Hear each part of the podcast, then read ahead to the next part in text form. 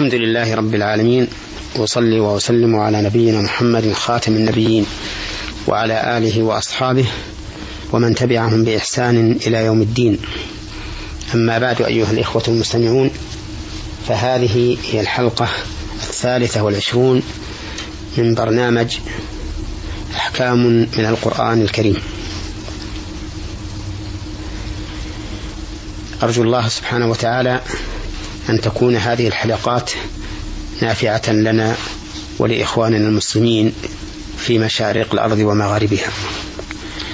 تكلمنا فيما سبق على المثل الثاني الذي ضربه الله تعالى لحال المنافقين وبينا عدة فوائد من الآية التي نزلت في هذا المثل.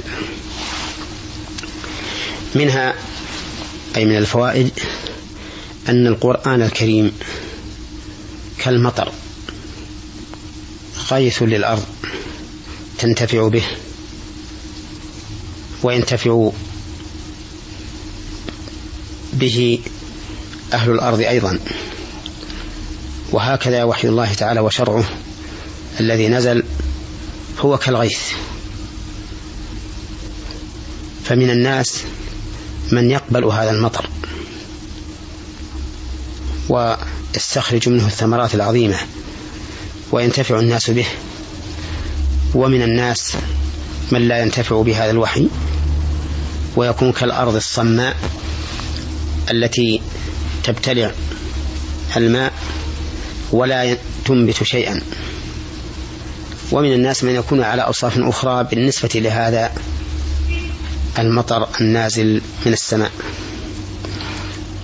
ومن فوائد الآية الكريمة التي فيها المثل الثاني أن هؤلاء المنافقين قد يستطيعون بعض الشيء أحيانا بما يرون من النور الحاصل من الوحي ولكن سرعان ما يزول ويذهب مع أنهم ينتفعون به على مشقة حتى إنه يكاد يخطف أبصارهم.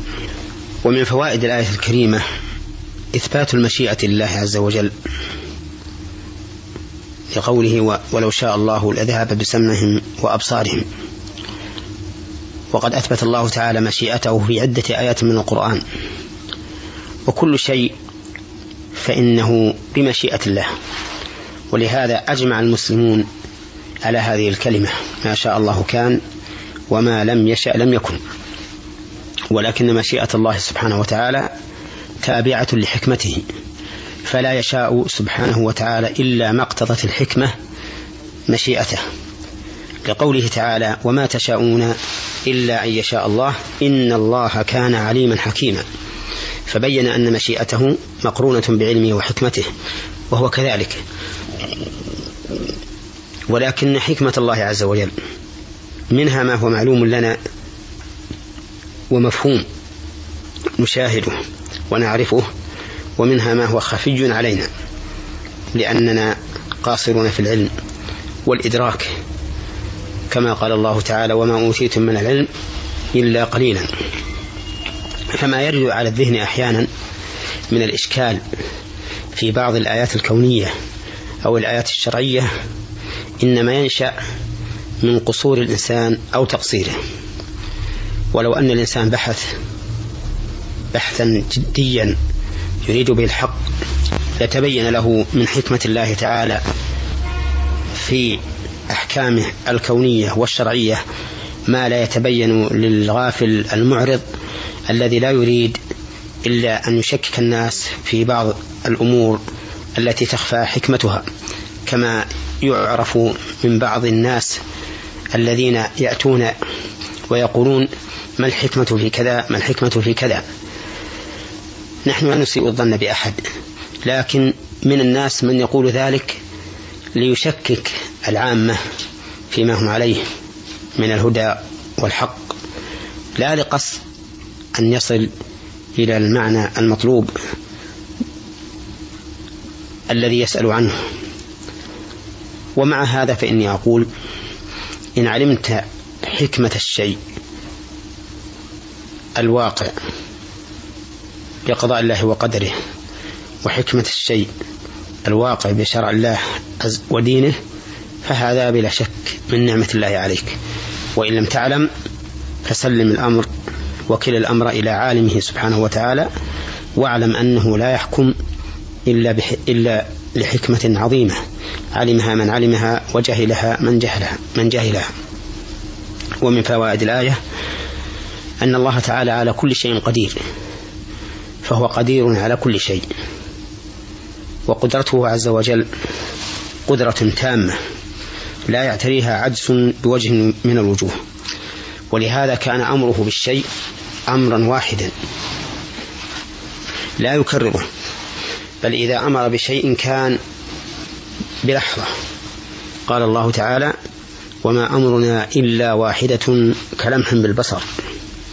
فتأمل قوله ما أمرنا إلا واحدة. يعني لا يقول الشيء كن ثم يقول كن مرة ثانية بل إذا قال كن كان كلمح البصر. وما أمرنا إلا واحدة كلمح بالبصر. وتأمل قوله تعالى إن كانت إلا صيحة واحدة فإذا هم جميع لدينا محضرون. فإنما هي زجرة واحدة فإذا هم بالساهرة. تجد أنها زجرة أو صيحة واحدة يبعث فيها الخلائق كلهم فيحضرون للقضاء بينهم بقدرة الله عز وجل. وهذا دليل على كمال قدرته سبحانه وتعالى. ولهذا قال إن الله على كل شيء قدير. ولو استثنى من هذا من هذا شيء أبدا. كل شيء فالله قادر عليه. يتفرع على الإيمان بهذه الفائدة أن الإنسان يسأل ربه كلما يرى فيه مصلحة. لا يستصعب الأمر. لا يقول هذا لا لن يكون. هذا بعيد. ولهذا قال النبي عليه الصلاة والسلام لا يقول أحدكم اللهم اغفر لي إن شئت اللهم ارحمني إن شئت ولكن ليعزم المسألة فإن الله لا مكره له. فلا أحد يكره الله حتى يقال إن شئت. فافعل وإن شئت فلا تفعل.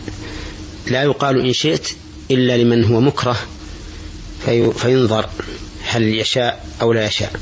أما الذي يفعل باختياره وبإرادته وبقدرته فإنه لا يقال في حقه إن شئت.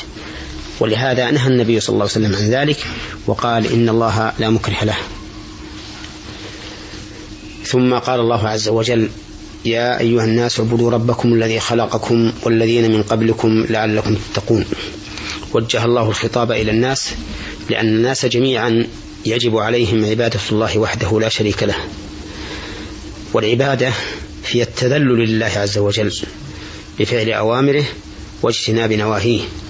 وقد تطلق على المتعبد به وهي العبادات التي يقوم بها الإنسان كالصلاة والزكاة والصيام والحج. وقوله اعبدوا ربكم الرب هو الخالق المالك المتصرف المدبر لجميع الأمور. قولها الذي خلقكم يعني أوجدكم من العدم وخلق الذين من قبلكم فهم الذي فهم قد أوجدهم الله من العدم كما أوجدكم لعلكم تتقون أي من أجل أن تصلوا إلى هذه المرتبة العالية وهي تقوى الله عز وجل. والتقوى اتخاذ وقاية من عذاب الله بفعل أوامره واجتناب نواهيه. ففي هذه الآية فوائد عظيمة. أولا بيان أهمية هذا الطلب. وهو عبادة الله تعالى وحده. ووجه ذلك أنه لا يصدر الخطاب بالنداء إلا للعناية به لأن النداء نوع من التنبيه فأنت إذا ناديت المخاطب انتبه واتجه إليك. ومن فوائد الآية الكريمة أن العبادة حق لله واجب على جميع الناس. ولهذا قال يا أيها الناس اعبدوا ربكم. فكل الناس يجب عليهم عبادة الله وعبادة الله تعالى هي التعبد له هي التذلل له بفعل أوامره واجتناب نهيه حسب شرعه الذي أرسل به رسله. وهي مختلفة بمعنى أن من الناس من يجعل الله له شريعة كذا والآخر شريعة كذا والآخر شريعة كذا حسب ما يصلح ما يصلح به الخلق. ولكن الشرائع كلها اجتمعت بشريعة محمد صلى الله عليه وسلم وصارت شريعة محمد صلى الله عليه وسلم ناسخة لجميع الشرائع. فلا عبادة لله إلا من طريق شريعة محمد صلى الله عليه وسلم. وسنذكر إن شاء الله في الحلقة القادمة أن العبادة لا بد أن تكون مبنية على أساسين هما الإخلاص لله والمتابعة لرسول الله صلى الله عليه وسلم.